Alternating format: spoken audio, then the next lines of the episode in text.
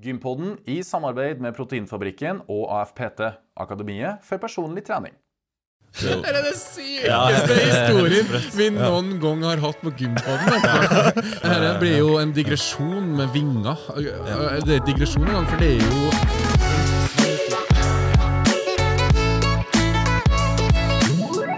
Og velkommen til Gympodden, den joviale pod- og videokassen for deg som er glad i trening, ernæring og den aktive livsstilen. Godt krydra med funksjonelle gjester og digresjoner som bare flyr av gårde dit man minst aner det. I dag har vi tatt turen til Oslo. Eh, Vi sitter midt i boksen i andre etasjen på CrossFit eh, Oslo, eller Oslo CrossFit om du vil. Eh, Her er faktisk vårt fjerde besøk i en CrossFit-boks. Eh, skal vi ramse opp dem vi har vært på? Ja, vær så god. CrossFit Moholt. Åh, gjør meg her. Eh, CrossFit Sentrum. CrossFit Moholt i eh, Trondheim. CrossFit eh, Sentrum i Stavanger. Crossfit Skedsmo. CrossFit Skedsmo i utkanten av Oslo. Og sist, men ikke minst, CrossFit eh, Oslo Yeah. i Oslo. Eh, og den her er kanskje den luftigste eh, vi har vært i, bortsett fra CrossFit Sentrum, som er òg en veldig stor boks. Ja, Er det her den største i Oslo? Eh, Det kan vi jo spørre gjesten om etterpå, for at han må vi først introdusere. Eh, som alltid er Gympodden representert med en duo. Mitt navn Og jeg sier jo alle hvem vi er, men mitt navn er jo Lasse Matberg. Ja. Eh, og med meg, han som sitter og fniser i bakgrunnen, det er jo min makker, min medvert, min produsent Ikke min, men vår produsent, eh, og ansvarlig for lyd og video eh, og klipping. Fredrik By. Fredrik By. Mm. Eh, og Fredrik, har du vært på gymmet i det siste? Nei, det har jeg ikke. Hæ? Hvorfor? Nei, du, det har vært masse jobb. Jeg har vært på reise, jeg har vært på fjellet. Jeg har gått masse skritt Ja, ok, uka. og Det er jo for så vidt trening, da. Ja, og så fikk jeg litt eh, trening i går på et eh, heftig 50-årslag. Ok, Så du var på dansegulvet? Var på dansegulvet og sjekka litt. Okay. Men så er det jo sånn at når man er på et 50-årslag, så konsumerer man eh, litt god drikke. Så Det gjør man, blir ja. man eh, Det ble litt, go litt godt i glasset? blir litt eh, redusert i dag. Ok. Så nå er jeg tilbake, begynner å komme litt, da. Vi er jo litt sent utpå kvelden nå. Ja. Enn du, Lasse? Eh, Du, jeg har vært på treningsferie i Spania. Ja, du ser der- litt solbrun ut. Ja, vel, I wish. Eh, der det gikk i Vi trena crossfit eh, hver dag, seks dager på rad. Og så hadde vi òg masse padel på ettermiddagen. Ja. Padel er jo en mellomting av tennis og squash. Kjempegøy. Vi, vi hadde jo en padel! Herregud! At jeg kunne glemme det. Ja. Vi hadde jo det som en challenge imot uh, Didrik Did- Tønseth. Didrik Tønseth og ja, Det var bare han. Så han Ja. spilte alene, han imot oss. Ja, og vi tapte. Og vi tapte sang etter. Men du kan jo kanskje komme et uh, lite comeback nå, mot uh, Didrik. Ja, det er vanskelig, altså. Men jeg kosa meg. Over på til dagens tema. Dagens tema er jo, som du har gjort i Spania, det er crossfit Ja. og functional fitness. Ja, for hva er forskjellen på crossfit og functional fitness? Hvis det er noe forskjell, er det som taco og nachos? Er det Her må vi ha tunga rett i munnen, føler jeg. Og vår gjest skal selvfølgelig få lov til å forklare oss forskjellen, hvis det er noen forskjell på crossfit og functional fitness. Det skal han få lov til. Men Ja. først, har du prøvd eh, crossfit? Det har du jo selvfølgelig. Eh, traff jeg Magnus Fransen, som driver Kvadraturen eh, CrossFit Kvadraturen i Kristiansand. Han traff jeg på en jobb i 2016. Eh, og han sa ja, du tror sikkert du er godt trent, men kan ikke du komme til meg uh, ei uke, uh, så skal jeg introdusere deg for crossfit? Eh, så skal du få deg en vekker. Og jeg bare ja, ja, jeg tenkte jo at jeg var godt trent. Ja. Og wow!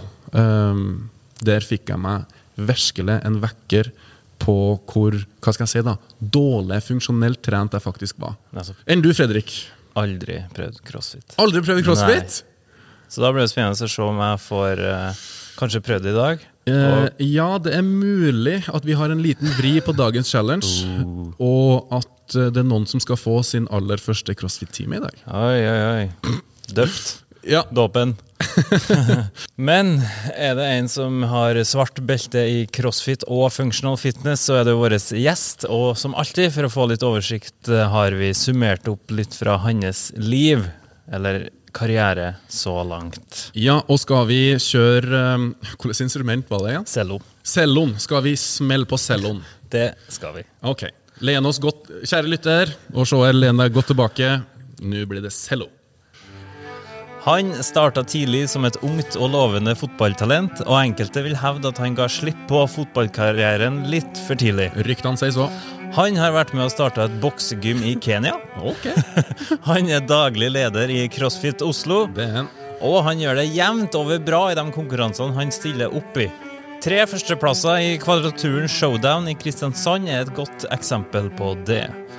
Og hans eh, crossfit-karriere strekker seg helt tilbake til 2012, men skal vi ramse opp alle pallplasseringene og merittene han har raska med seg siden den gangen, så blir vi holdende på. Ja, Så vi nøyer oss med 2021. det gjør vi. En andreplass i firemanns mixed lag i CrossFit Games. Førsteplass i firemanns mixed lag i Madrid CrossFit Championship så sent som i oktober. Wow. Er du støl ennå? Ja. Første, førsteplass i partner-NM i functional fitness og en individuell tredjeplass i NM i functional fitness. Han satser hardt mot firemanns mixed lag VM i functional fit fitness nå i november. To gutter pluss to jenter, og vi er veldig spent på å høre hvordan det kommer til å gå der. Ja, og vi gleder oss til å høre mer om det. Eh, og ta vel imot, kjære lytter og kjære så... Kjære så og vi gleder oss til å høre mer om det. Ta vel imot Eivind Eivind Dahl Yeah. Og endelig satt den. Gud, som vi har kåla med å introdusere deg. Det er så mye å snakke om. Velkommen. Ja, takk skal du ha. Og. Har du vært på gymmet i det siste? Jeg har vært på gymmet i Ok. masse masse i det siste. Har du det? I dag? Senest i dag, men i dag har jeg bare støvsugd og vaska opp kalk. Men det er jo en form for trening. Ja, ja, ja. Hverdagsaktiviteten. Ja. Så, Den skal man ikke kimse av. Så du gjorde rent før vi kom, eller? ja, jeg har jo preppa det her til at okay. dere skulle komme, så Men dere ser rundt det er ser det- litt ut som du, du glemte av ja, det, det skal være litt, det er litt sjarmen med crossfit. Det skal det være det. litt støv i hjørnene. skal det. Helt nydelig. Men ellers da, går det bra, eller? Ja, Helt fantastisk. Jeg, I likhet med Lasse har akkurat kommet hjem fra Spania, så jeg er jo litt sånn litt solbrun og har jo fulgt opp eh, vitaminlagrene og er klar for å ta fatt på en eh, spennende senhøst og vinter. eh, Lada batteriene, rett og slett. Rett og slett. Ja, for um, du var jo nettopp i en konkurranse der. Ja. Den vant dere. Yes. Og når jeg sier dere, hvem var det? Eh, da er det sånn at Vi var jo først i USA i sommer. eh, En gjeng fra CrossFit Oslo. Ja. To gutter, to jenter i lag. Ja. Og litt basert på den innsatsen vi la der, så ble vi invitert eh, til å komme ned til Madrid. Eller Wow. faktisk ikke i Madrid, men i en liten by 20 mil sør for Madrid. Okay. Madrid. Madrid. Ja. eh, Ciudad Real. Eh, Så der reiste vi ned, meg og kollegaen min eh, Marius Pettersen. Ingrid Hodnemyr og Lena Richter. Som er det laget som var Og det var rent bord. Ja, rent bord var, ja, ble ganske suverent til slutt. Eh, Oi! ja. Ja, det er lov å si. Gratulerer. da. Grattis, ja. Ja. Vant dere noe? Eh, om vi vant noe? Ja, Ja. vi tok med oss litt eh, pengepremie også. Nei! det- Og det er penger i crossfit òg? Ja da, Ikke så veldig mye, men det gjorde sånn at jeg tjente litt penger. Og så fikk vi turen ned spons også, så det, det Så da, da var du der eh, noen dager òg, da? Ja, så vi tok en liten uke etter konkurransen også, bare chilla maks og kicka back på stranda. Det er noen right. som har det. Ja, virkelig. Og nå så blir det en ny konkurranse. Ja, I nå, november? ja.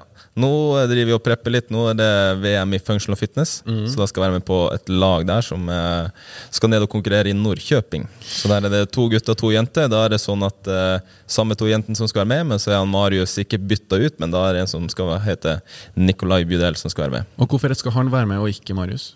Uh, Da er det sånn at VM-troppen i functional fitness Den er blitt plukka ut litt basert på resultater i functional fitness, og ikke i crossfit. Så Nikolai gjorde hakket bedre enn han Marius i NM, og da fikk han da førstevalget å velge om han skulle gå team eller individuelt, og da valgte han Nikolai å gå team. Skjønner. Ja, ja, ja. Ja, for det var det jeg snakka om litt innledningsvis. Hva er forskjellen på crossfit og functional fitness? Og det skal vi komme tilbake til. Men men, først- men først Vi må rykke tilbake til start. Ja. Du er jo en finnmarking. Yes. Og Det er godt å høre at dere ikke er nordlending, for jeg bruker å korrigere at jeg er ikke nordlending. Jeg finner, ja, men du, det er sånn det, mange i Oslo kaller meg, eller oss, for nordlendinger! og vi er jo trøndere. Ja, og jeg kaller jo dere for søringer. Ja, kom Dere- igjen! Dere, ja, ja, dere er jo fra sør for Tromsø, da er det jo søringer. Er det Ja, ja, Sør for. Tromsø! Men du, det, er jo, ja, det er jo noen avstander opp der som ikke ligner katter. Det tar jo to døgn å kjøre fra Finnmarka til Tromsø. Ja. Ja. I hvert fall ett døgn. ja, hvis det er motvind, så er det to døgn. Men eh, hvor er du kommer fra, da? Ja, Jeg kommer kommer fra ei lita bygd i uh, Kyst-Finnmark som heter Øksfjord. Øksfjord, ja. Og for de som ikke har hørt om Øksfjord, så har man kanskje hørt om Langfjordkrysset. Hvis du ikke da... har hørt om Langfjordkrysset, så har du kanskje hørt om Talvik. Men så har du Alta, da, som kanskje er nærmeste Ja, ok, referanse. Alta har jeg Ja. hørt om. Så man flyr til Alta, og så må man kjøre tolv mil ut i havgapet, og så kommer du til en liten blindvei, og der har de kalt det for Øksfjord. Okay. Ah, Og hva skjedde Hvordan var det å vokse opp i Øksfjord? Det var helt fantastisk. Ja. Knøtt liten bygd der alle kjenner alle. Alle Ja. kjenner alle. Eh, slapp å låse døra når du skulle på sommerferie, og du kunne springe over til naboen hvis du trengte noe. Og ja, egentlig helt idyllisk. Var det noe gym der, da? Det var en gym, det var et bomberom i kjelleren til barnehagen. der var Til det- barnehagen? Ja, der var det et, en atletklubb, da. Ja. Så, eh, men eh, litt sånn old school at du skulle ikke begynne å trene styrketrening før du var 16 år. Og når Ikke jeg var, sant? Og hva gjorde du før du var 16? Da var jeg fotballgutt. Ah. Ja, så det var, var ikke så mange tilbud der. Det var fotball og stort sett bare det. Ja. Så Sommeren gikk til å spille fotball og springe i fjærsteinene. Og eh, på vinterstid så var det å springe i fjellet på ski, og så eh, inn i gymsalen og spille fotball. Er du god på ski òg? Ikke langrenn. Eh, så når jeg sier ski der, så mener jeg egentlig at vi sprang opp på fjellet med litt sånne feite planker og Mhm. snowboard og sånt, og sto ned igjen. Det ryktes jo at du er ganske god i fotball, da. Ja, jeg var i hvert fall det en gang. Ja. Så jeg satsa ganske hardt. Og har en ett år eldre bror. Vi drev og kniva og kniva og kniva. Så har jeg fått en del konkurranse derifra som gjorde at eh, jeg satsa ganske hardt på fotball. Ja, Var det kretslag og samlinger, og fikk du tur, ta turen til Tromsø og sånn, eller var det Ja, så det som var litt av ulempen, var jo at eh, når man eh, født og oppvokst i lita bygd, så spiller man syverfotball, mens litt av de her uttakene som kommer når man blir eldre, er i elverfotball. Og det hadde jo ikke vi hjemme i bygda. Så det ble stor kul, kultursjokk med den store banen! Så, eh, ja, så i hvert fall da jeg ble 16 år og begynte å flytte litt på meg når jeg skulle på videregående, så kom jeg jo litt inn i den elverkulturen og sånt, og da jeg, ja, ble jeg plukka litt ut på litt forskjellig samling og var Ah. litt eh, rundt og reiste litt og sånt, og var en del av et sånn talentpool i Finnmark, hvis det er lov å si det. Det er, lov, det er absolutt lov å si. Ja. Eh, og det holdt du på med til videregående? Ja, så fire-fem år der i Alta, gjennom hele videregående, og droppa faktisk å ta siste eksamen på videregående i matte fordi at jeg skulle bli fotballspiller. Jeg hadde ikke Oi. bruk for generell studiekompetanse. Nei, hvem har det, tenker jeg. Så da eh, ja, tenkte jeg det, jeg skal aldri studere videre, så den matematikken den kan jeg bare drite i. Nei, så historien var liksom at jeg ja, slutta med fotballen, la liksom, så kanskje at det nåløyet for å bli best i, best i verden var kanskje ganske trangt. Så da måtte jeg ta litt privattimer, få tatt opp den matematikken der. Ah, så måtte Eh, krype til korset, Måtte ja. krype til korset der, og karre meg til en treer, var det vel det jeg klarte for å akkurat stå i matte, så at jeg kunne søke meg videre på skole. Men uh, flytta til Oslo primært for å begynne å gå på BI, så jeg tok en eh, master på BI eh, og ble siviløkonom. Mm. Um, og ja, har egentlig ja, sånne, Det er sånn tanken med å komme til eh, Oslo, da. Og så eh, hadde jeg egentlig ikke noen plan for om jeg skulle bli i Oslo eller om jeg skulle hjem, eller noe sånt, men så ble jeg kanskje Møtte mye bra folk, eh, kom inn i et godt crossfit-miljø, eh, ble litt glad i klimaet sammenligna med Nord-Norge og sånt, og så har jeg bare blitt stuck her, rett og slett. Ja. Men du sier hjem. Eh, Hva er hjem for deg i dag? Hjem i dag, ja, det må bli hjem til Øksfjord. Ja. Men eh, det er ikke noe siviløkonomjobber der. Nei. Så hvis jeg skulle tatt med meg eh, utdannelsen igjen, så blir det kanskje blitt Alta eller Tromsø, tror jeg. Skjønner. Um, men når du da begynte å studere på BI, Mm. eh, hva gjorde du da? Eh, fant du ut at eh, her var det gym, her var det Det heter vel Elixia, da, og ikke Sats? Det heter Sats og Elixia, tror jeg. Ok. Men uh, det er jo faktisk ganske spennende historie, for jeg starta jo på et sånn skikkelig pumpegym i femte etasjen i den bula på Karl Johan. Ok. Eh, der hvor de største guttene sikkert i Norge drev og trente. Oh, ja. Så jeg skulle bli så stor som overhodet mulig og ja, for- eh, spise Ja, for- kylling og ris eh, Ja, for da 24-7. hadde du fått uh, teften for styrketrening. Ja. Ja, altså Litt sånn parallelt med at jeg slutta med crossfit, så var jeg jo ekstremt glad i å trene. Så jeg Ah, begynte jo å trene på ordinære gym eh, oppe i Finnmark også, og tok det med meg ned til Oslo også. Men uh, begynte ikke på det. Jeg skulle liksom være blant de beste, så jeg oppsøkte et uh, sånn type gym, hvis det er lov til å si det. Med ganske mange flinke folk, svære folk, som ville lære av de beste og, og litt sånt. Um, så ja, styrte jeg med det i en to-tre år her i Oslo, så fant jeg ut at det var ikke noe morsomt å være 105 kilo og ubrukelig. Så da ble jeg sakte, men sikkert introdusert i crossfit via noen eh, venner og bekjente. Ja, for og, eh, Hvordan er historien der? Når var første gangen du satte dine bein inn på et crossfit-gym? Første gang var vel kanskje juni-juli 2012, Ja. tror jeg. Ja. Før den tid så hadde jeg egentlig bare prøvd ei en crossfit-økt på en, et vanlig treningssenter. Mm. Der hvor jeg fikk kjenne på den ekstremt digge endorfinrusen man fikk når man var ferdigtrent. Eh, det som kanskje er litt sånn ja, Forskjellen mellom de som starter crossfit nå og de, vi som starta crossfit da, er at man hadde kanskje mange venner som hadde prøvd crossfit, og man hadde sett ting på YouTube, Netflix, Instagram. Når jeg starta med crossfit, så var det så å si ingen som visste hvem det var. Og det var et knøttlite CrossFit Oslo nede i Mølleparken som var liksom arenaen for crossfit i Oslo. Så det, CrossFit Oslo da er ikke det samme som CrossFit Oslo i dag? Nei, definitivt ikke. Nei. Det var Både i størrelse, antall medlemmer og omfang så var det overhodet ikke det samme. Skjønner. Men eh, hadde jo mye av kvalitetene som man eh, er glad i crossfit, med at alle kjenner alle, man pusher hverandre, Ja. man blir motivert av å hele tida lære nye ting og får hele tida påfyll av motivasjon. Mm. Så det unike var jo der, og det har vi fortsatt tatt med oss også. Ja. Men hvem er det som egentlig holder på med crossfit, da? Det tror jeg faktisk er Bærmannsen i gata. Ja. Det jeg tror Hvis man eh, ser den medlemsmassen vi har på både på CrossFit Oslo og de andre CrossFit-boksene som inngår i, i Functional Fitness Group, så tipper jeg du finner tversnittet fra egentlig hele samfunnet. Oh, ja. Ja. Hva er yngste medlemmet dere har her? Vi har en aldersgrense på 16 år. Ja. Vi har ikke veldig mange 16-åringer, men vi har en 18, del 18-19-20-åringer. Så det er jo liksom de yngste. Og så har vi jo nå helt opp til 60 pluss. Og vi har akkurat, såpass, ja. eh, akkurat kjørt i gang et pilotprosjekt med 65 pluss òg. Oh, ja. Og det kommer vi til å introdusere som et fullverdig produkt etter hvert. Så vi har fra unge unge til de litt eldre.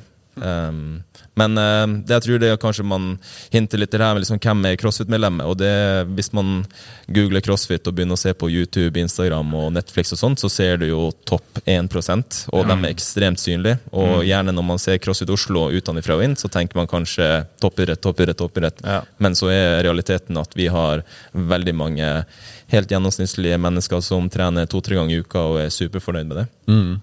Så, så egentlig, Ja. crossfit egentlig, sånn sett er crossfit for alle, og medlemmene vår er veldig diversifisert. Vi var litt inne på i forhold til dagens tema. Ja. Crossfit og functional fitness. Hva er egentlig forskjellen på det? Ja, du har sikkert mange som har et eh, ekstremt godt svar på det, men eh, jeg mener jo at eh, altså, crossfit og functional fitness Du kjenner igjen øvelsene, du kjenner igjen mye av det man skal teste og sånt. Mm. functional fitness er jo etablert av en utbrytergruppe, hvis man kan si det på det, fra crossfit, som syns at kanskje måten man organiserte ting på og testa ting på, ikke var helt riktig måte å gå fram. Så functional fitness er jo egentlig crossfit, men bare organisert mer som en idrett, sånn som vi kjenner det i dag. Eh, hvis man skal ta Norge som et eksempel, så har du et idrettsforbund på toppen. Du har Functional Fitness-forbundet. Under der så har du klubber, og du har komiteer som gjør at når du skal finne den beste, så skal du gjennom en kvalifisering, og du skal gjøre det i en klubb, og så skal du videre til et ja, Nå har vi ikke noe regionale mesterskap, men du skal liksom via et NM, og så skal det være en tropp til VM, og sånt, og du har en landslagstrener, og har på en måte et, et forbund og et støtteapparat rundt deg, mens crossfit er litt mer sånn hvem som helst kan arrangere en crossfit-konkurranse. Men i Functional Fitness er det satt litt mer i, i struktur. da. Ja, for i CrossFit der har du CrossFit Games, og på mange måter er VM i CrossFit. Mens du har både NM og VM i functional fitness. Det stemmer. Ja. Og hva er favoritten din? Av de to, Ja. eh, jeg liker begge to like godt. Like godt. Ja. Okay. Det, crossfit er litt mer sånn Det, det gode, gamle, litt sånn uh, corny eh, slogan til crossfit er jo 'prepare for the unknown'. Så det er sånn Du møter opp en crossfit-konkurranse, så vet du egentlig ikke hva du skal. Og nå når vi var jo, kommer sikkert tilbake til det, men vi var til USA i sommer, så var det Vi satt i en, i en gang og visste ikke hva vi skulle gjennom om to timer. Så du skulle liksom bare Du skulle ikke vite hva du skal. I functional fitness er det litt mer sånn øktene annonseres litt på forhånd, du får oh, ja. muligheten til å teste, du får lagt en strategi. Hvor langt på forhånd?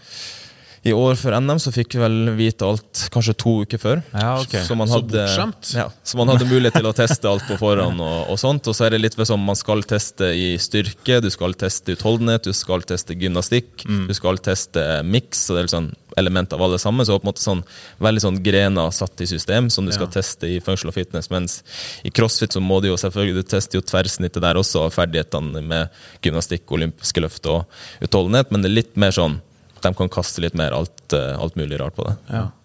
Men la oss gå litt eh, tilbake, da. Fra da du begynte med crossfit og til du begynte å konkurrere. Tok det lang tid, det?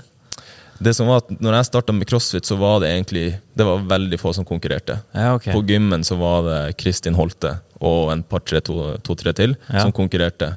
Så eh, for meg så var det liksom veldig veldig langt fram til å konkurrere. Så fra jeg begynte i 2012 til jeg var med på min første konkurranse, så var det kanskje tre år. Ja. Nå ser man at de som kommer inn døra hos oss og sånn, har lyst til å trene crossfit seriøst, de går rett og henvender seg til en coach og får personlig oppfølging. ja, okay. De begynner å se etter små konkurranser for å være med og få erfaring. og Så på en måte arenaen og konkurransearenaen til CrossFit har jo vokst ekstremt Ja. mye de siste ti årene. Og- Hvordan var det til deg, da? Ordna du deg med en coach og liksom begynte å satse? Nei, nei, absolutt ikke.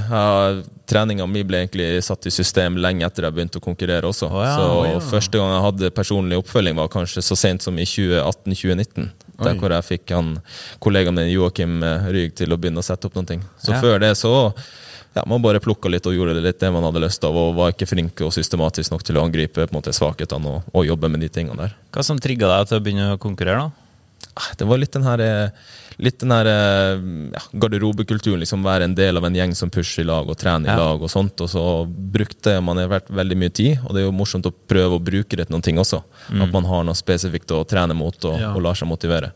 Og så kanskje viktigst av alt, man, vi, var en ganske, eller vi er en ganske stor og fin gjeng på CrossFit Oslo som trener veldig hardt, tar det veldig seriøst, og det er liksom mange med samme mentalitet, og det er veldig morsomt å være en del av den gjengen. Ja.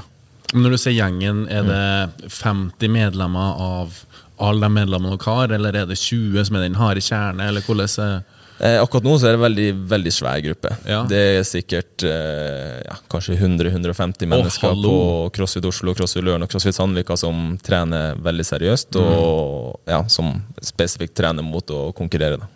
Så, så det, er en ganske, er en ganske stor og fin gjeng. Så det er på en måte litt sånn, Nå er jeg jo daglig leder på CrossFit Oslo også, og ser jo kanskje at det at det er så spiss og konkurransefokus blant veldig mange medlemmer, er jo på en måte litt en, en svakhet og en litt sånn utfordring for oss når vi skal drive crossfit for alle. Og så møter du i døra de som henger opp ned i ringene og går på hendene over en rampe og flytter på flere hundre kilo. Så det er jo litt sånn måte, Daglig leder i meg syns det er kanskje litt, eh, litt dumt, men så har du atlet i meg som elsker det og syns det er dritfett. Men er det ikke sånn at uh, engasjementet på dem som tar dette litt seriøst, og at det smitter over på dem hva skal jeg si da, amatørene og dem som ikke tar det fullt så seriøst på gymmet? Det tror jeg er litt sånn både òg. Ja. Vi har jo måtte, Etter USA vi kom hjem der, så fant jeg ut at vi hadde fans som jeg overhodet ikke trodde fulgte med på CrossFit. Som hadde fulgt med på hvert eneste ting vi gjorde, som syntes det var dritkult. Men så har, jeg tror også vi har de som syns at det er veldig skummelt. Og hvis du kommer inn i et rom og har lyst til å trene litt for deg sjøl, og så møter du på eliten, så er det kanskje ikke så morsomt å kjøre teknikktrening med tom stang og løfte en tiendedel av det de andre i rommet gjør. Så det er sånn, det er sånn både og. Det, men Jeg tror på en måte ikke det er noe sånn fasit her, egentlig. Men det er jo samtidig superkult. Uh, Kristin Holte, du nevnte hun. Hun trener her på CrossFit Oslo. Ja. Hun har jo representert Norge, hvis jeg kan si det, da, eh, på CrossFit Games, altså VM i CrossFit, i sju år nå. Ja, uten tvil. Så Eh, hun har og- vært en Ja, hun har en sparka inn den døra. Ja. Ja. Ja, definitivt. Så hun har nok inspirert veldig mange, og i hvert fall for de som kommer etter og har lyst til å konkurrere, så har hun vært en, Hun er jo en ekstremt mentor med stor M. Hun, det er jo bare å gå Du har sikkert spurt hun masse om råd. Ja. Ja. Ja, og har jo fått lov til å trene med henne og pusha mot henne og liksom og fått tips og triks og sett litt hvordan hun gjør ting og sånt. Og, og hun er jo på en måte kanskje den første og eneste i Norge som har virkelig sagt at jeg skal satse crossfit. Og bare lagt opp hverdagen og livet sitt ut ifra det. Og det har jo gitt ekstreme resultater. Men hun Hun har jo kom jo på andreplass i år. Eh, Fjerdeplass i år. Ja, andreplass i fjor. Ja, Om det var 19 eller 20. I, Ja. Sesongen i fjor var litt spesiell, men hun har i hvert fall en andreplass å vise til som er ekstremt sterkt. Og hvis jeg skal lov til å skryte litt av henne, at det hun har fått til, egentlig å trent alene uten å ha noen som virkelig kan pushe henne, og fått de resultatene hun har, det er helt ekstremt. For det å være alene og banke ut i økten som hun gjør, og pushe så hardt for å kunne konkurrere mot de beste, det er helt ekstremt, faktisk. Hadde du klart å følge hennes treningsprogram og regime? Jeg hadde klart å følge treningsprogrammet, det skal jeg nok klart å gjennomføre, men å prestere like bra og ta det like seriøst og holde meg unna godsaker og eh, ikke dra med gutta boys på hyttetur og sånn, det tror jeg ikke jeg skulle klart. Ja, Vi kan jo Men, snakke eh, litt om godsaker og munngodt. eh, Sånn Eh, hvordan er tre- kostholdsregimet ditt, hvis du har noe som ligner på har, har egentlig ikke noe regime. Ehm, nå skal ikke jeg skryte av meg sjøl, men jeg trener jo ganske mye crossfit. Det blir gjerne to økter om dagen. Okay. Og såpass, ja. da kan man jo egentlig tillate seg å spise hva man vil, og det handler gjerne om å bare få inn nok. Ja. Um, så når jeg er for meg sjøl, så tenker jeg kanskje mye på næring, at man skal få inn riktige næringsstoffer. Men så prøver jeg også, når jeg er ute blant kompiser eller hjemme med familie på ferie, og sånne ting, så prøver jeg å legge bort de litt sære tingene og spise det som er på bordet, og ja, bryr meg egentlig ikke så mye. Så prøver å ha et sånn balansert forhold til Ja. kosthold og trening. Hvordan, er hvordan ikke da, når du er liksom litt i oppkjøring? Ja, for nå er du jo litt i oppkjøring. Eh, Det er jo starten av november, Ja. og du skal representere eh, deg sjøl og laget ditt i VM i functional fitness. Så hvordan eh, legger du opp løpet nå framover til konkurranse? Eh, ja, nå er det jo fokus på å restituere godt, så Ja. man skal jo sove nok. Og så kanskje litt uh, mindre at man koser seg på kveldene.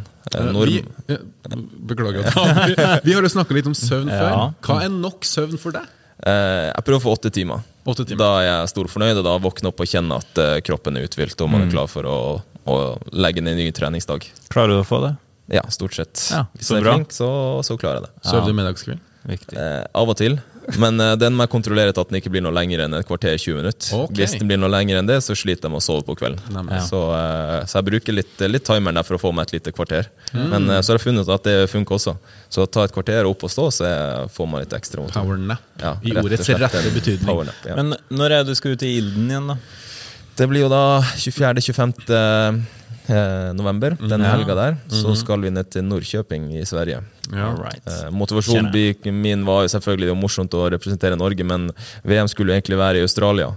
Og så fikk vi vite at det ble flytta til Nordkjøping, og det var jo ikke sånn ja, det ble ikke tatt imot med jubel, for å si det sånn, men eh, covid har lagt litt begrensninger på ting, og da får vi bare ta det som en hyggelig tur. Men du sa at du fikk vite 14 dager før. Er det nesten, nesten så dere, har dere fått vite hva dere skal konkurrere i, eller er det like rundt hjørnet? Eh, vi har fått beskjed om at kanskje den 8. november, mandag 8. november, så begynner det å dryppe litt økter Ja, okay. og sånt. Okay. Så um, vi skal i gang og trene litt denne uka her, det laget, men vi har ikke noe sånn superstrukturert før vi egentlig får vite den 8. november. Ja, for du, du sier firemannslag. For meg så er det masse kokker og mye søl på et kjøkken. Eh, hvis det er fire stykker som skal bytte på rør i gryta. Hvordan er det det fungerer eh, i konkurranse? Det, masse, eller det må ligge masse masse timer bak Ja. med trening. Fordi når fire stykker skal samarbeide, Ja. så må ting gjerne skje litt synkront. Man må Ja. kjenne styrke og svakheter. Eh, når man er ute på gulvet der, så har du gjerne musikk som buldrer på. Du har ekstremt høy puls, og du har gjerne en plan A, og så går ikke plan A, og så må du plan B, og så må du kanskje over på en plan C som ikke fins. Okay. Så, det, så det, er liksom, det er mye som ligger Men- bak der, og terping, og, og klare å kommunisere og, og organisere. Men går dere av seg sjøl, dere er så synka, liksom? At dere Eh, trener på at ja. eh, hvis det skjer noe, så bare uh, Ja, så vi har på en måte vi, nå, er sånn, nå er det jo litt nytt med at vi har det firemannslaget som skal til VM nå. Der har vi jo med en som heter Nikolai, og ikke han Marius. Så Nikolai er litt fersk i den, den firerbanden som skal ut og konkurrere nå. Oi, oi, Så han, måte, vi vet jo at han er ekstremt dyktig, men vi kjenner han ikke så godt hvordan han fungerer i et lag på fire. Mens det laget som har trent strukturert mot USA og skal konkurrere neste år, har jo lagt ned hundrevis og hundrevis av timer. Så vi kjenner både styrker og svakheter og kjenner hverandre på utafor banen, hvis man kan bruke Ja. den terminologien. Altså Vi vet liksom når kan vi pushe han, når kan vi pushe hun, når må vi backe litt off der, og når må vi så, Og hvis vi får i økt, så vet vi at basert på styrker og svakheter, så vet vi hvem som skal utgjøre det, og hvem vi må ta litt hensyn til og sånt. Så Å ja, så, um, kan du gi, gi eksempler på hvilke type øvelser som kan komme da, i den lagkonkurransen? Ja, så for eksempel uh, i crossfit, da. Nå, for det er jo det vi har trent mest i functional fitness, uh, har jeg ikke så mye å relatere til det på firemannslag, men i crossfit for eksempel, så har du en det kalles for en worm. Den wormen veier 200 kilo. Og for å flytte den warmen fra bakken oppover hodet, så må man løfte i samme tidel av sekund. Hvis ikke så får du ikke den oppover hodet. Og som ei pøls du har på skuldra? Ja, Okay. og da er den jo delt inn i fire seksjoner, men alle fire er nødt til å dra likt. Og flytte den opp til skuldra, over hodet, ned på andre sida. Av og til så skal du ha den over hodet og gå utfallssteg framover. og sånt, Så da, da må du kjenne styrker og svakheter, og du må vite når skal du sette høyrefoten fram, når skal du sette venstrefoten fram. Så det er jo ett eksempel. Og så har vi av og til vi er ute og løper, f.eks. Da er det noen som er god løpeform, noen som ikke er like god løpeform. Da er det jo hvem som skal ligge og styre, da. Hvor mye kan man pushe den som kanskje har det ekstra kjipt. Um, så er det litt sånn strategi hvem som skal gå først. Etter vi har løpt en mil, hvem er det som skal gå 20 meter på hendene først? Hvem er det som må henge igjen og hvile litt? Så hvis man ikke kjenner styrker og svakheter da, så måtte vil teamet ramle litt sammen, Ja, ja, og, og man vil bli tatt igjen av gode konkurrenter. Men hvordan, eh, La oss si at dere har fått hvite vite eh, nå. da, altså, Hvordan har dere liksom eh, lagt opp løpet da, fram til Da har vi en landslagstrener, eh, Ja. Simen Aaslund, som eh, kjenner alle oss fire individuelt. Og ville mest sannsynlig lagt en plan, da, eller kommer til å legge en plan når vi får økten da, for hvordan vi skal trene på det. Både elementer av hvert enkelt element som vi kanskje trener litt på egen hånd, men også når vi skal sette alt sammen og gjennomføre økten. Så da ville vi gjerne, nå når det er kanskje tre uker igjen, så ville vi kanskje prøvd å få gjennomført økten én gang i uka. Og kanskje Ja, gjerne okay. fått eh, Nå skal vi på trening samle til Gran Canaria neste ja, tirsdag, eh, tirsdag den 9. Så da- Samling eller samling? Ja, samling i gåsøya. Jeg, skal, jeg har, blir ikke 32 år nei, der, så jeg skal ha sånn bursdagsuke med Tequila og Tequila hver kveld.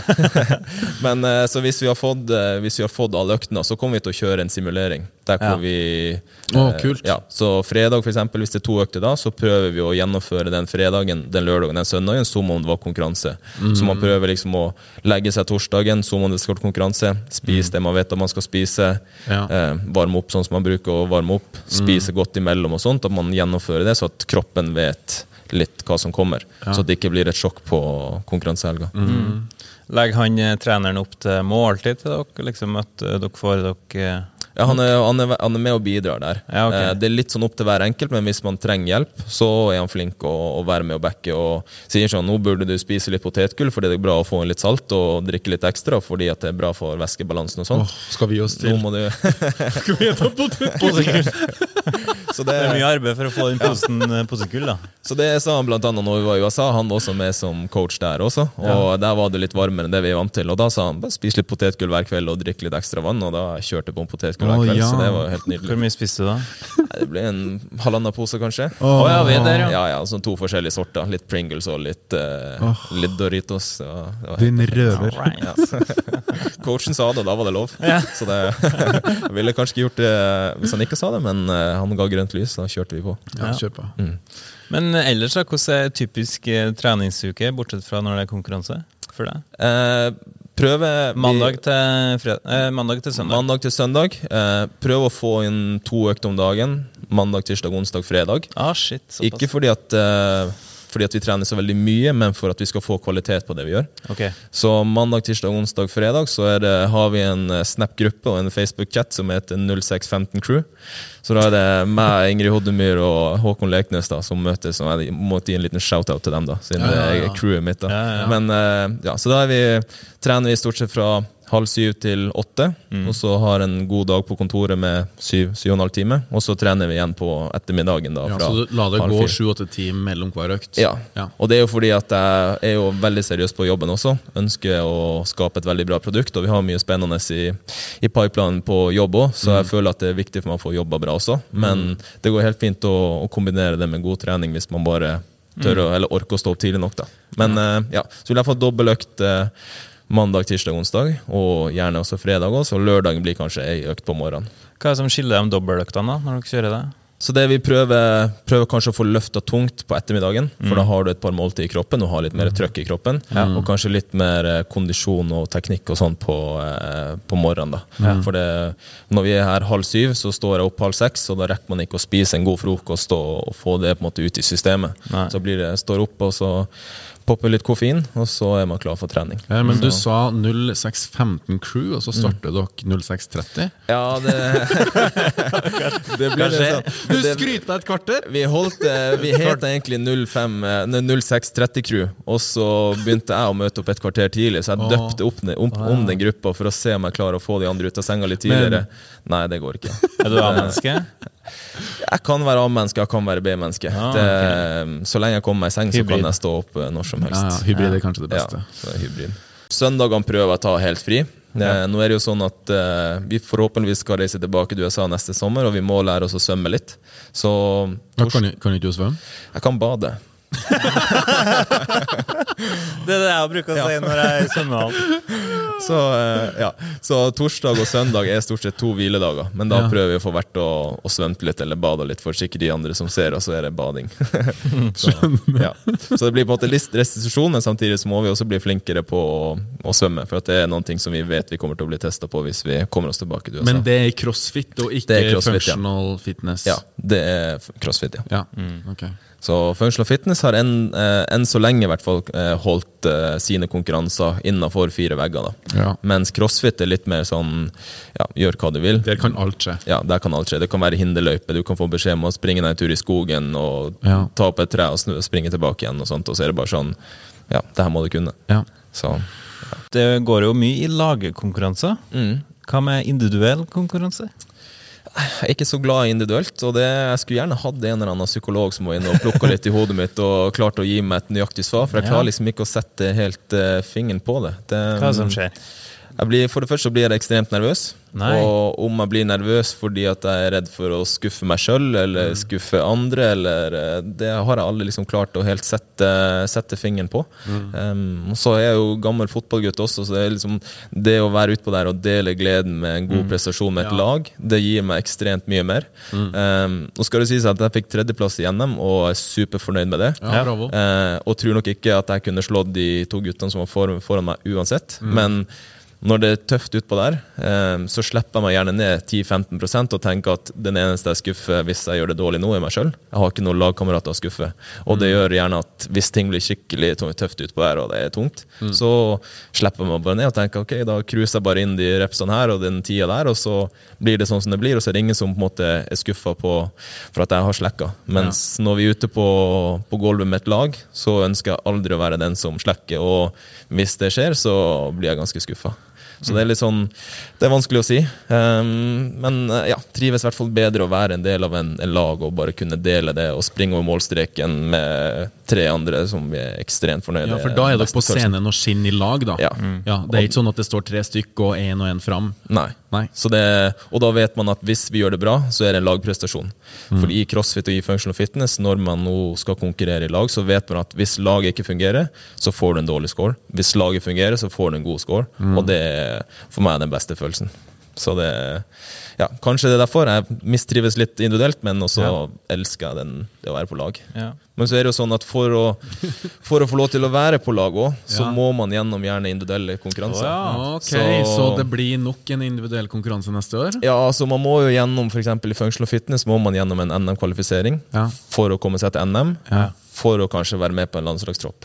Ikke sant? For du er jo landslagsutøver per definisjon i dag. Landslagstroppen Ja, er i hvert fall den som skal til, til VM, men så er ikke landslaget for eh, 2022 tatt ut ennå. Men eh, vi får se. Hvis jeg snakker varmt noe om Simen, så kan det godt hende. Eh, Vi krysser fingrene for det? Ja. Jeg må jo få lov til å skryte litt av de to jentene vi har på laget, for de er jo helt ekstreme. ja, Hva som er så bra med dem, da? Nei, For det første så imponerer de meg utafor banen. De er ekstremt seriøse. Det er liksom, Når vi er ute på tur, og jeg syns kveldene er ved å sitte og spille kort og sånt, og klokka er halv ti, da skal de i seng. Og For da skal de ha søvnen sin. Mens jeg kunne tenkt meg å sitte og kose meg og prate skit utover kvelden. Ja. Eh, tar det ekstremt seriøst. Når vi kommer ut og skal varme opp, så er det liksom veldig strukturert oppvarming. De vet hva de skal, de skal forberede seg, og de er liksom begynner å komme inn i sona. Og sammen når man skal ut og konkurrere, også, så er det liksom ikke snakk om å snakke seg sjøl ned eller begynne å være nervøs. Det er liksom bare sånn Nå skal vi ut og trykke på. Okay. Så det er liksom eh, Et par av de jentene er fem-seks år yngre enn meg, og så står jeg der som en lita Nei, nå kan jeg ikke si lita jente, så står jeg der som en eh, 32 år gammel gutt og er grisenervøs, og så snur jeg meg til dem, og så møter man liksom eh, ilden i blikket og bare blir superinspirert. Så Ja, så uten de to, så er det en del av de medaljene som vi har plukka med oss i år, som ikke hadde vært der. Det er Ok, Så det er guttene som drar jentene med på lasset? Det er nesten motsatt, vil du si? Eh, på en del så er det det. Ja. Det definitivt. Ja. De holder et ekstremt internasjonalt høyt nivå. Eh, som gjorde at hvis de hadde stilt individuelt, så kunne de gjort det ekstremt bra. Men de gjør det ikke? Nei, de, eh, de også, i likhet med meg, fikk muligheten til å velge basert på NM-prestasjon. Så fikk de mulighet til å velge om de skulle gå individuelt i VM eller team i VM, og begge valgte team. Så de trives godt på team, de også. Så um, Ja, men For en lagfølelse. Det er jo en for alle, alle for én. Skikkelig. ja, det er helt nydelig. Ja.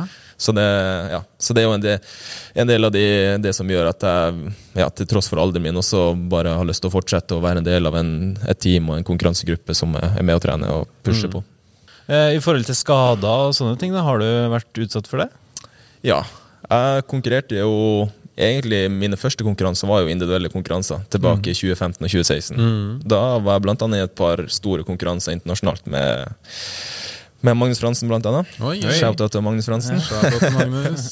Eh, og kjørte ganske hardt, men eh, som sagt hadde jo ikke noe coach egentlig før i 2018. og da ble det så liksom, når, når jeg kom på trening og det sto tunge løft på, platte, på, på plan, så var det tunge løft man skulle gjøre. Og man skulle opp og teste én RM hver gang, eller én rep maks, det tyngste løftet man kan, hver gang det sto på plan.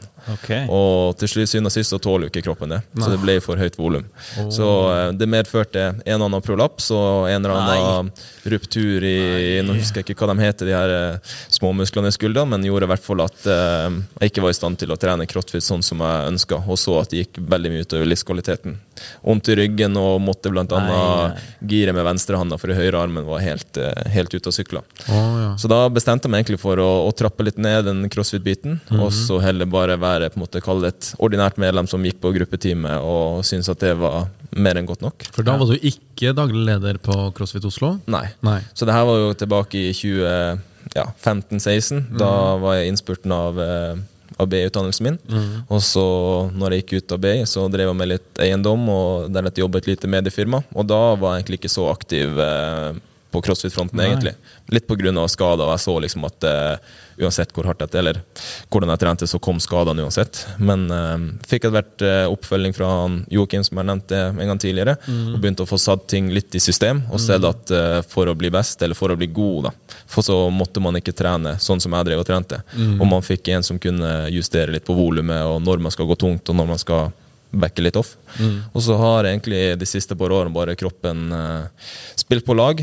Eh, parallelt med at crossfit-miljøet i Norge har jo slått ekstremt eh, fart. Ja. Eh, både med et fantastisk miljø på CrossFit Oslo, men også man ser rundt omkring at det er pop-opp-konkurranser hele tida som gjør at man har muligheten til å være med. Ja. Og det er egentlig de to tingene som har bidratt til at jeg nå egentlig kanskje er i mye bedre form eh, enn det jeg var som 25-26-åring. ja, for er du i ditt livsform nå, vil du si? Eh, På, ja, på mange måter, ja. Em, kanskje ikke i målestokk med de beste i Norge, så er jeg kanskje ikke mm, helt der oppe. Men, uh, men sånn, med løftene jeg gjør, og kondisjonen og de ferdighetene jeg føler jeg har, så er jeg i hvert fall personlig kanskje i den beste formen jeg Ja. Det er jo en klisjé som heter at uh, man uh, strever etter å være den beste utgaven av seg sjøl. Men vil du si at du er det i dag? Treningsmessig, ja, så Ja. vil jeg nok si det at, eh, at jeg er det. Bare ha noen meter i svømmebassenget, så er du der. Ja. Det, lære å puste under vann, så er jeg, da er jeg i mål. Oh, ja. ja, for gjelda det har du ikke, nei. Nei, så det fikk jeg ikke i konfirmasjonsgave. Så, Neida, så, da, ja, så da blir det bra. Men så er det sånn når man trener, trener på lag også, og er med på et lag, så må man kanskje ikke være i helt 100 tipp topp form. Nei. Så lenge man er en del av en altså Det å være på et lag, da testes man på en del andre ting enn det å være helt, helt, helt prima. Man må selvfølgelig være i god individuell form, Ja. men det er mye mer andre ting som gjør at et lag er et veldig bra lag. Og der eh, føler jeg at vi er ekstremt flinke på de, de lagene vi er med på. Tydeligvis, for de dere vinner jo konkurranser i fleng. Ja. Så da ja. Nikke og Ja, smile. nikke og smile. Heldigvis har vi et kamera rett foran der som ser at jeg sitter og koser meg her og anerkjenner. Yes. Oi, oi, oi. Nei, det er bra. Så, ja. Men eh, framover er du aktuell med noe nytt? Eller CrossFit Oslo aktuell med noe nytt? ja, så vi har jo nå eh, etablert et selskap som heter Functional Fitness Group. Eh, Det betyr ikke at vi skal bare drive med functional fitness, men navnet gjør kanskje at vi kan klargjøre oss for det som vi har planlagt skal komme om fem og ti år. Men uh, akkurat nå, så når vi skal snakke om Functional Fitness Group, så kaller vi oss selv en kompetansebedrift der vi driver innenfor eh, funksjonell trening. Der hvor det å drive crossfit-gym er en av tingene. Men uh, vi har også ekstremt dyktige folk på utdanning. Så Joakim Ryg og Simen Aaslund har uh, utviklet et eget utdanningsløp som gjør at vi kan em, videreutdanne interne ressurser, egne ansatte. Vi kan også reise rundt og workshops. Vi har også workshops på gymnastikk og olympiske løft som vi reiser rundt og gjør. Eh, og så følger vi også opp mange kunder digitalt. Så på en måte vi har flere plattformer å stå på, da. men de aller fleste kjenner jo oss som de som driver CrossFit-senter. Og de aller fleste kjenner jo i hvert fall meg som daglig leder på CrossFit Oslo, men Ja. nå skal vi begynne å omtale oss selv litt mer som de som jobber i Functional Fitness Group. Ja, hvor, Hvilke crossfit-bokser er det som inngår i Functional Fitness Group? Ja, så På toppen så ligger jo da Functional Fitness Group. Under der så har vi per dags dato syv CrossFit-bokser. Ja. Vi har CrossFit Learn, som ligger i Oslo. Så har vi CrossFit Oslo, Ja. CrossFit Sandvika, Ja. og så har vi CrossFit Mjøsa. Og så eier vi 50% av CrossFit Lillestrøm. Så dem har vi egentlig ikke så mye med å gjøre, bortsett fra at vi prøver å, å hjelpe hvis vi kan. Men dem drifter en helt fantastisk boks ute i Lillestrøm eh, helt uten oss. Så annonserte vi også et samarbeid nå for et par uker siden med Magnus Fransen sin, uh, sine bokser der. Så da har vi CrossFit Lumber og CrossFit eh, Kvadraturen. da. Så det er de syv CrossFit-boksene vi har. Og så har vi, åpner vi en ny boks i, eh, i januar. Da åpner vi CrossFit Lambertseter. Håper ikke at jeg er litt tidlig ute å si det her, men jeg tror eh, nettsida og Instagram og alt sånt er oppe til uka, så det kommer kanskje litt parallelt ut med den podden her. Men Ja. om folk får vite det her, eller om de får vite det Så spennende. Ja. Så det er veldig kult, så da tar vi et lite, lite steg litt østover i Oslo-regionen også, da. Men eh, under innledninga så hadde vi jo en liten eh, case der, der vi sa at du har starta et boksegym i Kenya. Ja, for hva er historien bak Det det? er ganske random. Det er, ganske, det er egentlig en ganske ganske lang historie, men jeg skal prøve å komprimere den ned. Ja, okay. Siden vi allerede har sittet der i fem-seks timer og spilt inn podkasten her. Så kort fortalt, i 2004 så var jeg på Norway Cup med øks- og idrettslag. Ja. Mm. Og da bodde vi på Rusta skole i Oslo. Og der var også Matar United. Ja. Der ble jeg kjent med en uh, gutt som heter George, som var ett år eldre enn meg. Fra Eh, Kenya? Fra Kenya, Nairobi, Kenya. Nairobi? Okay. Um, ja, så vi, eh, når vi dro fra, fra hverandre der, så utveksla vi litt eh, e-post og, og adresse, og litt sånt, så vi kunne holde litt kontakt. Og sendte også av gårde litt penger og et par fotballsko med han også, så han satte jo litt pris på det vennskapet der. Ja. Um, året etterpå så um, ble jeg kontakta av en lege som hadde kommet i kontakt med han på et sykehus i forbindelse med at han faktisk hadde knekt begge armene Nei! eh, i en eh, fotballulykke. da. Fotballulykke? Gud, det- Var han keeper? jeg er litt usikker på hvordan han hadde klart det. Men eh, hun fortalte også at eh, han hadde en førstefødte sønn Ja. som han hadde oppkalt etter meg. Så, Eivind? Eivind, ja. Eivind Dahl Ringar Songo. Nei. ja. Så i 2005 så var ikke jeg gamle gutten, da var jeg 16 år og hadde ikke noe jobb, eller noe sånt, men jeg bestemte meg for at eh, her skal jeg være med og, og bidra litt. da. Ja. Så i 2005 så begynte jeg å støtte han og, og kjæresten og den lille gutten. Eh, litt og litt med det jeg kunne. I 2000, og- ja, holdt kontakt eh, regelmessig, og i 2008 Ja. så fikk han en til gutt som han kalte for Trond. Hvem er Trond? Trond er faren min. Nei! Og så har faktisk Trond Morten, fordi at bestefaren min heter Morten. Eller heter Morten, da. Så, eh, så i 2008, da Da var jeg blitt litt eldre, eh, var ferdig på videregående og hadde begynt å jobbe. Så da bestemte jeg meg for at eh, denne gjengen så skal jeg være med og bidra og støtte. Så da var det litt sånn at jeg sendte ned litt penger litt sporadisk og sørga for at de i hvert fall hadde litt av det de trengte. Eh, I 2010 da hadde jeg flytta til Oslo. Det hadde du. BI, here I come. Yes, Men da hadde jeg også litt connections med den fotballklubben som jeg eh, spilte i Alta IF. Ja. Da prøvde jeg å få far på prøvespill opp dit. Ja. Han var på tur fra Nairobi, stoppa i Hellas, mista flyet sitt i Hellas Nei. og tenkte at hm, jeg er i Europa, jeg skal bli fotballproff, jeg drar ingen vei. Så sommeren 2010 så måtte jeg reise ned til eh, Kenya for å se til familien der. Se hvordan det gikk med mora, og se hvordan det gikk med de to gutta. ja. Ah. Så da lærte jeg jo ekstremt mye. Det var jo sommeren før jeg flytta og begynte på BI. Og Ja. tenkte at det skulle bli skummelt å flytte til Oslo alene, men skjønte at etter tre uker i slummen så skjønte jeg at Det det, å flytte til Oslo, det, det kommer ikke til å bli så skummelt. Men det jeg også lærte, var jo at de, eller hun jenta der da, som var åh, hun var ikke gamle jenta, 15-16 år, og var tobarnsmamma, hun hadde ikke noe forhold til penger. Og jeg skjønte at her kunne ikke jeg bare sende penger, for at det kommer til å bli sløsa bort. Så da tok jeg kontakt med skolen, tok kontakt med gårdeier og sa at hver måned nå så kommer jeg til å overføre penger, sånn at de har skole, de har eh, skoleuniform, bøker, lunsj og tak over hodet. Så på en måte det viktigste var dekt, og så sendte jeg over litt ekstra, sånn at hun skulle ha litt penger til mat, for hun var jo plutselig alene da. Men i 2010, der når jeg var der, så bodde jeg i de hardeste slummene. Da kom jeg i kontakt med det som da skulle bli makkeren min på bokseklubben. da. Ah. For det, når vi skulle gå rundt i de hardeste slummene der, så trengte jeg rett og slett en livvakt.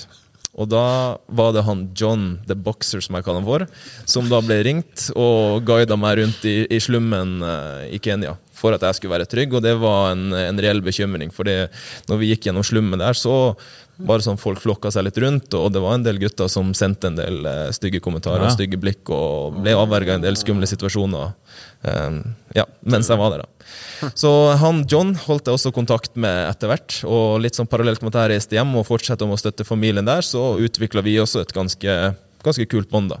Som eh, i 2016 utvikla seg til at vi starta en bokseklubb i lag.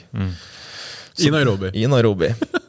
Så han er jo Det er jo super random, Ja. men kjempefin historie. Ja, så han er jo Han var jo da, på den tida der, var Kenyas beste bokser. Ah, ja. Eh, Hadde dårlig management, men han hadde en familie å forsørge, så han reiste rundt i hele verden og ble kjøpt inn for å promotere lokale boksere. Så han fikk betalt for, For å å gå ned i tredje runde, femte runde. For å få juling, rett og Ja. slett. Men det var hans måte å finansiere familielivet på, så han eh, har masse erfaring der. Så han er jo en ekstremt dyktig coach og kjenner bokseyrket inn og ut, og er på en måte min makker der nede. da. Så jeg kjenner jo ikke så mye til hvordan det er å drifte sånn helt praktisk en bokseklubb i Kenya, men siden 2016 så har jeg på en måte vært eh, ja, den investoren, hvis man kan kalle det for det. Han som betaler regningen og sørger for at, uh, sørger for at det går rundt. da. Eh, og Det som er litt trist i Kenya, at det er ekstremt vanskelig å få lov til å åpne en klubb der du kan ta medlemskontingent. Så vi har jobba nå i fem år, og begynner på det sjette året nå, for å få alle serti- sertifiseringene vi trenger for å kunne ta medlemskap. Nå har vi 70 gutter da, som ikke går på skole, men som istedenfor har en plass å være, har en mentor, har litt trygge rammer og få på en måte ut frustrasjonen sin der istedenfor å gå og ruse seg og begå kriminalitet og i det verste fall blir kasta i fengsel eller drept, som faktisk er realiteten der nede. Det er det sykeste historien vi noen gang har hatt på gympodden. altså. Vi snakker ikke så mye om trening nå, nå snakker Nei, vi om dette eh, blir jo en digresjon med vinger. Det er digresjon en gang, for det er jo en sann historie. Så um, ja. Jeg snakker jo gjerne om det når folk spør, Eh, men eh, ja. Så er ekstremt bra sjekketriks også. Oi! Ja. Nei da. Jo da. Ok, nå må vi jekke den litt ned. Ja, nå må jeg ned på bakken, ja. Vi har en ja. fast spalte som heter. Ti kjappe. Ja, og Fredrik tar den. Så Så da svarer du på impuls. Mm. Klar? Yes. Ok. Proteinshake eller proteinbar? Proteinshake. Ok. Tre. Nei, det må jeg nesten ombestemme. Nei, må det? Nei da. Proteinshake. Eh, Tren med pulsklokk eller ikke? Uten. Hjemmetrening eller tren på gym? Tren på gym. Jogge ute eller inne? Ute. Øksfjord eller Oslo? Øksfjord. Ja, ble, Blir det eh, crossfit eh, Øksfjord? Nei, det blir nok ikke. Ok. CrossFit Alta, kanskje. Ja. Ok. Det er mange som bor i Alta. Ganske mange. 15 000 i kommunen. Ja. Og jeg tror det kunne vært passa som hånd i hanske der borte. Perfekt. Jeg har allerede vært i kontakt med Spenst Alta og håper at de realiserer planene med å starte noe. Så kult. Det hadde de trengt. for 15 000 er jo samme som bor i Verdalen og Levanger. Verdalen, i hvert fall. Ja, ok, Levanger Levanger. er 20. Ok, tilbake til spalten. Tren med musikk på øret eller uten? Ja, med på øret. Crossfit eller functional fitness? Crossfit. Kaffe eller energidrikk? Energidrikk. Kostholdsplan eller freestyle-tallerken? Freestyle. Freestyle. Knebøy eller mørkløft? Knebøy. El-sparkesykkel eller spasere? Åh, elsparkesykkel. Shout-out til bydue.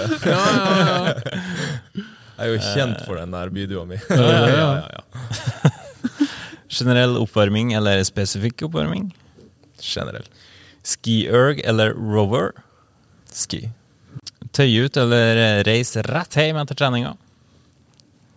Reis rett hjem. Delta i konkurranse i lag på to eller fire? Fire. Da er det damer med også.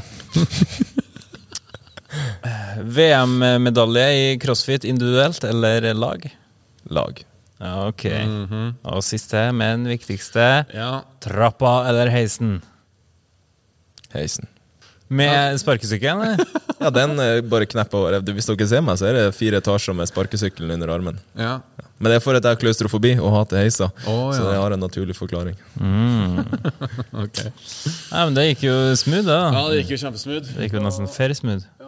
For eh, hver podkast så er det jo sånn at uh, gjesten utfordrer Lasse i en challenge. Ja, men i dag har vi en liten vri. Nei, hva da?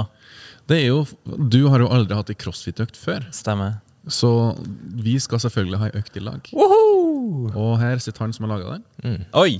Yes. Da må du Og uten at du vet det, eh, så Den økta står skrevet bak på tavla. Ok, da må jeg Ja. snu meg rundt. Mandag står det. Ja, ikke mandag, da. Det er, det, det er det som står til venstre for mandag. Amrap 16, hva det betyr?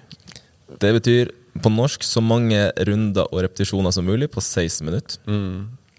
Og da har jeg plukka ut fire øvelser. Vi Ja. skal ro litt, vi skal ha en kettlebell swing. Ja, skal, vi skal ha litt. Skal vi ro i 16 minutter? Nei, vi skal ro noe som heter Når man ror, så kan man enten måle i antall meter, eller i en målenhet som heter kalorier. Okay. Og ett og et halvt drag er ca. én kalori.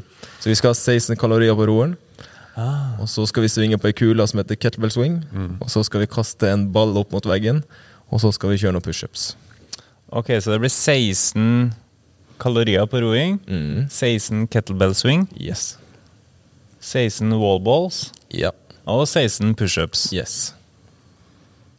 Og da er vi ferdige. Ja. Nei, og det her skal vi kjøre så mange runder som mulig på 16 oh, ja, minutter. sånn, ja. Så jeg, tipper Okay, at tipper at en runde kanskje tar to to og et halvt minutt. Så at dere kommer gjennom en eh, Åh. seks, seks til åtte runder. Ja, den kommer til å svi. Ja. Den kommer til å svi som Men uh, hvem er det som kjører, da? Jeg og Lasse? Du og Lasse. Ja. Og da er det litt sånn at uh, crossfit er jo for alle, og det vi skal prøve å vise litt her, er at vi kan tilpasse den økta litt. Ja, men det er fint, for jeg er nybegynner. Ja, for jeg trente bitte litt crossfit før. Uh, og jeg kommer nok til å ha litt tyngre vekt i kettlebell swings. Jeg kommer til å ha litt tyngre ball. Jeg, kjører 20-ball. Fader heller om jeg kjører 30-ball. Glem det. Nei, det har vi faktisk ikke, så det slipper du unna. digg. Ah, ja. Da blir det 20-ball på meg, og så kan du få en liten sånn T-posso. En sånn tier. og pushups er likt. Ja. Pushups release? Nei, release? Nei. Eh, dere skal både ha kettlebell swings og Ja, wallballs, dere vi- får kjørt ganske mye på Ja. eh, forsida. Så dere skal slippe å ha noe heftigere pushups. Dette her blir, her blir hardt. Jeg gleder meg til å prøve. Jeg har aldri prøvd det, så jeg stiller med åpne armer. Ja. Og god innsats. Da er det klart for challenge. Yeah. Tusen takk for at vi kom hit til CrossFit Oslo. Bare hyggelig og superkult at jeg fikk lov til å være med på podkasten. Ja. Det har vært en kul samtale. Takk til deg, eh, takk til deg kjære lytter. Eh, takk til deg, kjære seer. Eh, da er det klart for challenge. Den må du gå inn på YouTube og se. Eh, og jeg lover deg, der blir det masse innsats i 16 minutter. Der jeg og Fredrik Vi skal ikke konkurrere, men vi skal få ei god crossfit-opplevelse i lag. Ja. Takk for eh, dagens følge. På en gjensyn neste gang. Ha det bra. Ha det. Adios.